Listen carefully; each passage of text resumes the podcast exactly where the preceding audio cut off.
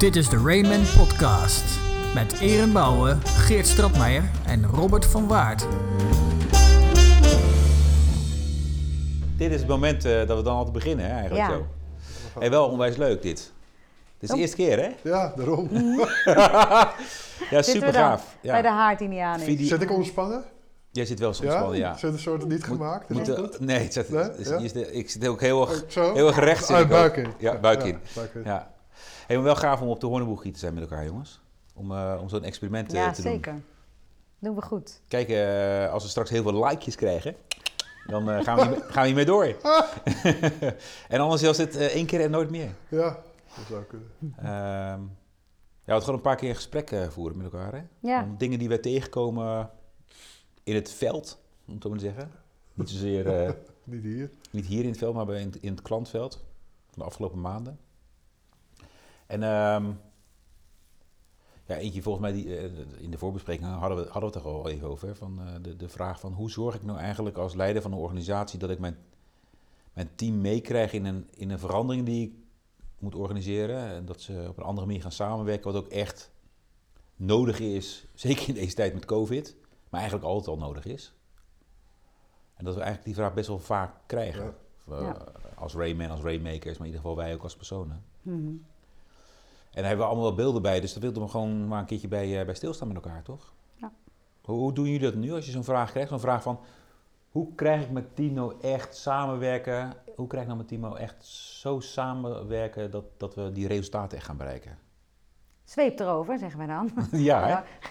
Denk dat er al meer te zeggen hebben dan dat. Nee, toch? Nee. Maar ik vind het wel een verschil hoe je er naar kijkt. Of je, of je, of het, of je het vanuit het leidersperspectief eh, bekijkt, of dat je dat vanuit de medewerker eh, bekijkt. Vind je niet? Ja, ja absoluut. Het, het, het, ja, Ja. het ja, absoluut het grootste verschil. Ik, ik denk, overigens, als ik zo'n vraag krijg van hoe krijg ik ze nou beter aan het werk of wat dan ook. Ja. Of ze, ze moeten anders werken, dus er komt vaak die Moeten. vraag binnen hè, van we Mm. moeten meer samenwerken. Ja. Dat is altijd mijn eerste vraag van waarom?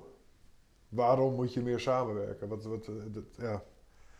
Weet je, dat, dat is een soort, je ziet het telkens terugkomen hè, in verschillende fases binnen, in verschillende jaren. Van ja, opeens moeten we alles samen, dan net met die kantoortuin ook. Zelfsturing. Ja, zelfsturing, geen zelfsturing. eh, eh, centraal, decentraal. Het zijn allemaal eh, soort trends die natuurlijk door, ja, door ons werkende leven heen gaan.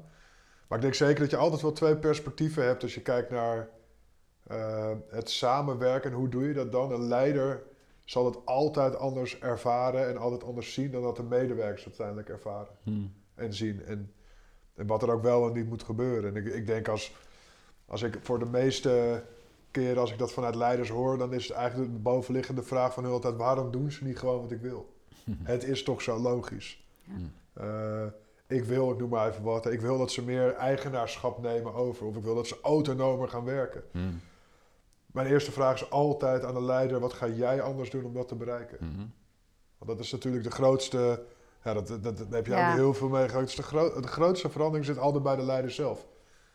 Hè, dus als, als een leider zegt: Ik wil dat ze meer eigenaarschap nemen. dan ga ik altijd bij een leider op zoek naar waar zit, hoe zit jij in je grip en controle. Zit daar altijd wel een issue wat hij of zij anders kan doen? Ja, en die, eh, dat zelfonderzoek, hè, dus die leiders die daar eens even rustig voor gaan zitten, ja, daar kom je het snelst, maak je de grootste stappen mee. Dat, eh, dat vind Ja. ik heel opvallend. En ik, ik weet niet of het aan mij ligt, maar het lijkt ook wel alsof mensen daar nu wel mee klaar voor zijn. Of er meer leiders zijn die nu heel bewust de ruimte pakken om te bedenken, wat heb ik dan te doen? Ehm, dus de, de- die zelfreflectie in kunnen gaan en daarover na kunnen gaan denken, wat moet mijn gedrag dan anders zijn om die beweging in mijn organisatie te maken? Ja. Want eh, op het sinaasappelkistje staan en heel hard naar beneden, eh, naar beneden tetteren wat er moet gebeuren, dat voelt iedereen ook wel dat Ja. dat niet meer kan. Dat is niet de manier. Nee, dat, en dat is ook wel echt überhaupt deze tijd. Hè. Ik bedoel, niet alleen de leider is bezig met zelfreflectie, maar überhaupt eh, iedereen is veel meer bewust van. En Ja. we, we laten ons niet meer zo heel erg makkelijk eh, in, het, ja, in het functiegroepje plaatsen en dan doe je dit of dan eh, zul je dit doen. Ik bedoel, dat, dat is wel, als je vergelijkt met eh 50 jaar terug of 30 jaar terug, is dat natuurlijk wel heel al zo oud? Ja. Nee, ik niet, maar wat ik heb gehoord. Hij wil iets tegen mij zeggen. Hè, zoals vroeger. Nee, maar goed, dat, dat is natuurlijk wel heel anders. En ik, ik denk dat eh, als we het hebben over een leider, is natuurlijk ook altijd wel weer de leider is een, is een rol binnen, binnen een club, maar het gaat over leiderschap. En dat zit op elk level van de Ja. organisatie. Zowel bij, de, bij degene die de toko mag aansturen vanuit zijn rol, eh, als bij elke medewerker die gewoon ook vanuit ja, zijn of haar rol iets anders heeft te doen. En, maar goed, dus als, als, je- als je zegt... Maar, zo- maar hoe, doe, hoe doe je het dan? ja, dus inderdaad dat. Hè, dat als, je, als je echt kijkt naar hoe ga je nou aan de slag met gedrag in lijn brengen met hetgene wat je wil bereiken. Ehm, dat, dat is als ik, als ik dat vanuit het perspectief bijvoorbeeld van een leider bekijk, is dat ik als eerste ga kraakhelder maken, wat is het waar we heen willen? Hè, dus de- alleen maar gedrag veranderen om gedrag te veranderen, slaat helemaal nergens op in de zakelijke context. Dat, daar ben je ook helemaal niet voor. Mm. Daar zijn wij ook helemaal niet voor. Nee. Dus ik ga er met de leider eerst zitten van wat is er exact wat je wil bereiken. Eh, eh, eerst vanuit je businessresultaten, vanuit je business. Het hoeft helemaal niet hard te zijn, Mhm.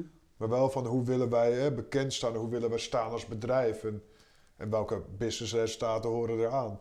Om vervolgens te kijken naar oké, en welk gedrag hoort daar dan bij. Hè, dus hoe gaat het dan als we het hebben over hoe nemen wij besluiten of hoe, hoe, hoe gaan we om met conflicten of eh, heel letterlijk hoe, eh, hoe delen we informatie Mm, zeg maar binnen mm. het team en wat is dan tijdig een informatiestuk. Nou, langs dat en we hebben een aantal camerastanden natuurlijk, langs die perspectieven ga ik met de leider kijken om vervolgens met het team samen daar afspraken over te Ja, Maar daar doe je het dan alleen met een leider? Ja, echt- precies, want ja. daar is het natuurlijk cruciaal. Je kunt met een leider gaan ontwerpen, maar juist die tweede slag van wat voor gedrag hoort daarbij, dat kan alleen maar met de medewerker. En, en wat, wat ik ook steeds weer merk is dat de taal, hè, de taal daarvan, dus wat is dat gedrag, hoe zeggen we dat tegen elkaar, hoe ziet dat eruit, Ehm, dat is soms een hele andere taal dan dat een, een- als je dat, die knip zo hard wil maken tussen leider en medewerker, dan een leider van tevoren bedenkt Ja. die geeft wellicht hele andere kleuring en, en woorden en beeld bij dat gedrag. Nou, ik denk dat het ons werk is en dat het onze organisaties ontzettend helpt om te versnellen op dat stuk. Als je die taal goed vastpakt met medewerkers. Dus maak filmbaar hoe dat gedrag eruit ziet. Wat zie jij mij doen? Wat zie ik jou doen? Wat doe je dan met kernwaarden, dat Ja, soort dingen? nou, kernwaarden, maar ook eh, eh, gewoon wat zie ik je doen? Wat is je handelen? Als wij met elkaar afspreken, we gaan heel respectvol met elkaar om. Ik vind dat een topwoord, heel gaaf. Maar wat zie jij mij doen en wat zie ik jou doen? Ja. En dat kan een leider kan dat eh, met in zijn boardroom heel mooi verzinnen. Van, nou, respect is echt een kernwaarde en daar gaan we voor met elkaar. Maar wat vervolgens mensen eh, van elkaar verwachten, Dat zie je letterlijk Ehm, op het kantoor, je? op de straat, in de praktijk. Precies. ja, en dan letterlijk dag in dag uit. ja, niet zijn alleen dus maar die- op dat ding, op dat momentje. Nee, van die, van die loze kernwaardes van, eh, eh, de, de kernwaarden zelfs niet loos, maar de klant centraal stellen. Ja, dat, ik, ik ken geen ene organisatie die niet zijn klant centraal stelt. Toch? Ja. Maar wat zie ik jou nou letterlijk elke dag doen om dat daadwerkelijk te doen in gedrag? En hoe- waar kan ik jou dan dus ook op aanspreken als ik iets anders zie doen? Ik vind het altijd wel heel lastig, hè? want ik herken dat natuurlijk. Dus hoe kom je dan aan dat soort dagelijks... ge- ge- Er kan een hele lange lijst van maken. Hè, wat, je, wat je eigenlijk wil zien. Hè, maar waar hang je dat dan aan op? En hoe zorg je dan dat het ook echt die woorden of die, hè, dat gedrag is wat, Ja. wat je ook echt verder gaat helpen? Dus in ieder geval heb je keuzes te maken. Hè? Want als ik jou hoor zeg een hele lange Ja. lijst. Ja. Nou, dat gaat ook niet werken als je je klantaanbod als organisatie naar je klanten kiept. Met, eh, met grote behanglijsten vol met, eh, met aanbod. Iedereen weet, daar gaat niemand van je kopen, want niemand weet waar je van bent. Nou, dat is met gedrag eigenlijk niet anders. Ja. Je kan hele lange lijsten maken van dat wat je wil doen. Maar kies nou eens, wat is voor jullie het belangrijkst? En ga daar samen woorden aan geven. Kijk uit dat je hem niet ontwerpt van bovenaf. Want dan gaat hij zeker niet landen. Nee, dus dat, dat, dat ben ik zeker met je eens. Maar als je, als je kijkt naar waar hang je hem aan op, voor mij is dan altijd weer de link naar het resultaat. Daar hang je het aan op. En vervolgens maak je keuze in gedrag met de grootste, ja, die, die je als team en als organisatie het meeste daar naartoe gaan helpen. En je kan niet, eh, wat je zegt, je kan, ik kan wel, of wat jij zegt, een, oneindige lijst met gedragingen. Dan krijg je een soort eh, de twintig geboden van. Ja, ja. Ja, nou, daar, Hmm. daar, daar, niemand gaat zich daaraan houden. Nee. Maar kijk nou eens, wat zijn nou de cruciale afspraken die je hebt te maken als je het hebt over het resultaat? Wat komt daar in je op? En welke dingen zijn er dan essentieel om anders te doen wat je nu nog niet doet? En dat, dat is denk ik, als ik met zulke vragen aan de gang ga, is het altijd op zoek naar wat wij noemen de hefboom hierin. Hmm. Want heel veel dingen gaan er ook wel weer in mee. Hmm. Weet je wel, dus je, je, kan, je kan niet op 20 dingen inzetten, maar kies er dus vijf uit. Ja. Moet je eens opletten wat er met de rest gaat gebeuren. Ja, en ik denk dat deze tijd daar rijp voor, dat, dat, dat nog meer kracht geeft. Hè? Want heel veel mensen hebben een andere manier van werken ervaren de laatste tijd. Hebben ook een andere balans gemerkt. En zijn op een andere manier gaan concentreren op... Hey, wat is eigenlijk voor mij belangrijk Ja. in mijn werk? Wat heb Ja. ik heel erg nodig? Ja. En wat voor gedrag kan ik daar laten zien? En wat hoort daar ook bij? Dus die, wat waardevol was en nu waardevol is... is wellicht veel scherper geworden voor mensen. Ja. Dus ik denk dat dit een uitgelezen kans is voor organisaties om daar juist nu die hefboom in te gaan vinden. Ja. Meer nog dan toen het allemaal wel Een doorkabbelde. beetje modderder zoals ja, altijd. Grappig, ja. ja. en nu, eh, ja, nu hebben we, ik merk ook, we hebben met een aantal organisaties de afge- en teams de afgelopen tijd gevangen van wat wil je nou erg houden, wat is voor jou heel cruciaal en belangrijk geweest en Ja. waar neem je afscheid van. Ja, die opbrengst, op die manier het net met elkaar ophalen, dat zijn precies de kernen die je straks nodig hebt om te accelereren. Ik denk dat het Zeg je, maar zeg je daar dan mee van eigenlijk nu... Ja, we zijn we gewend aan thuiswerken, weet ik nog niet. Hè? Maar in ieder geval de online-offline omgeving is here to stay, om het zo maar te zeggen. Ja, Ja, eh, deze winter door en eh, nou ja, het is, net, het is trouwens 2020. ja, maar eh, het is here to stay. En eigenlijk zeg je van joh, maar dat is zo'n verandering, zo'n kentering in de organisatie. Ja. Zorg nu dat je die ook wel vangt, dat je die beet pakt en dat je die expliciet maakt, om het zo maar te zeggen. ja, dat is overbekend. Never waste a good crisis. Hè? Dat is natuurlijk wel met een dooddoener, maar dat is hem wel. Ja. Patronen die altijd heel logisch waren, die zijn Ja. misschien nu helemaal niet meer nodig. Half negen dien je op werk te zijn. Ja, Ja, dat is er niet meer. Je moet op kantoor zijn en uren draaien om je salaris te verdienen. Van 12 tot half 1 lunch. Ja, wat is je output? eh, ja. ja, ja, die tijd van nu. Nu die tijd van nu hè. Ja, die Dus eigenlijk ook weer irritant is om het steeds over de tijd van nu te hebben. Net of dat, ja, Ja. dat er geen nieuwe, eh, dat het zo'n issue is waar we de hele dag mee stil moeten staan. Ik weet niet hoe het met jullie zit, maar ik word er soms daar ook wel eens moe van. Ja.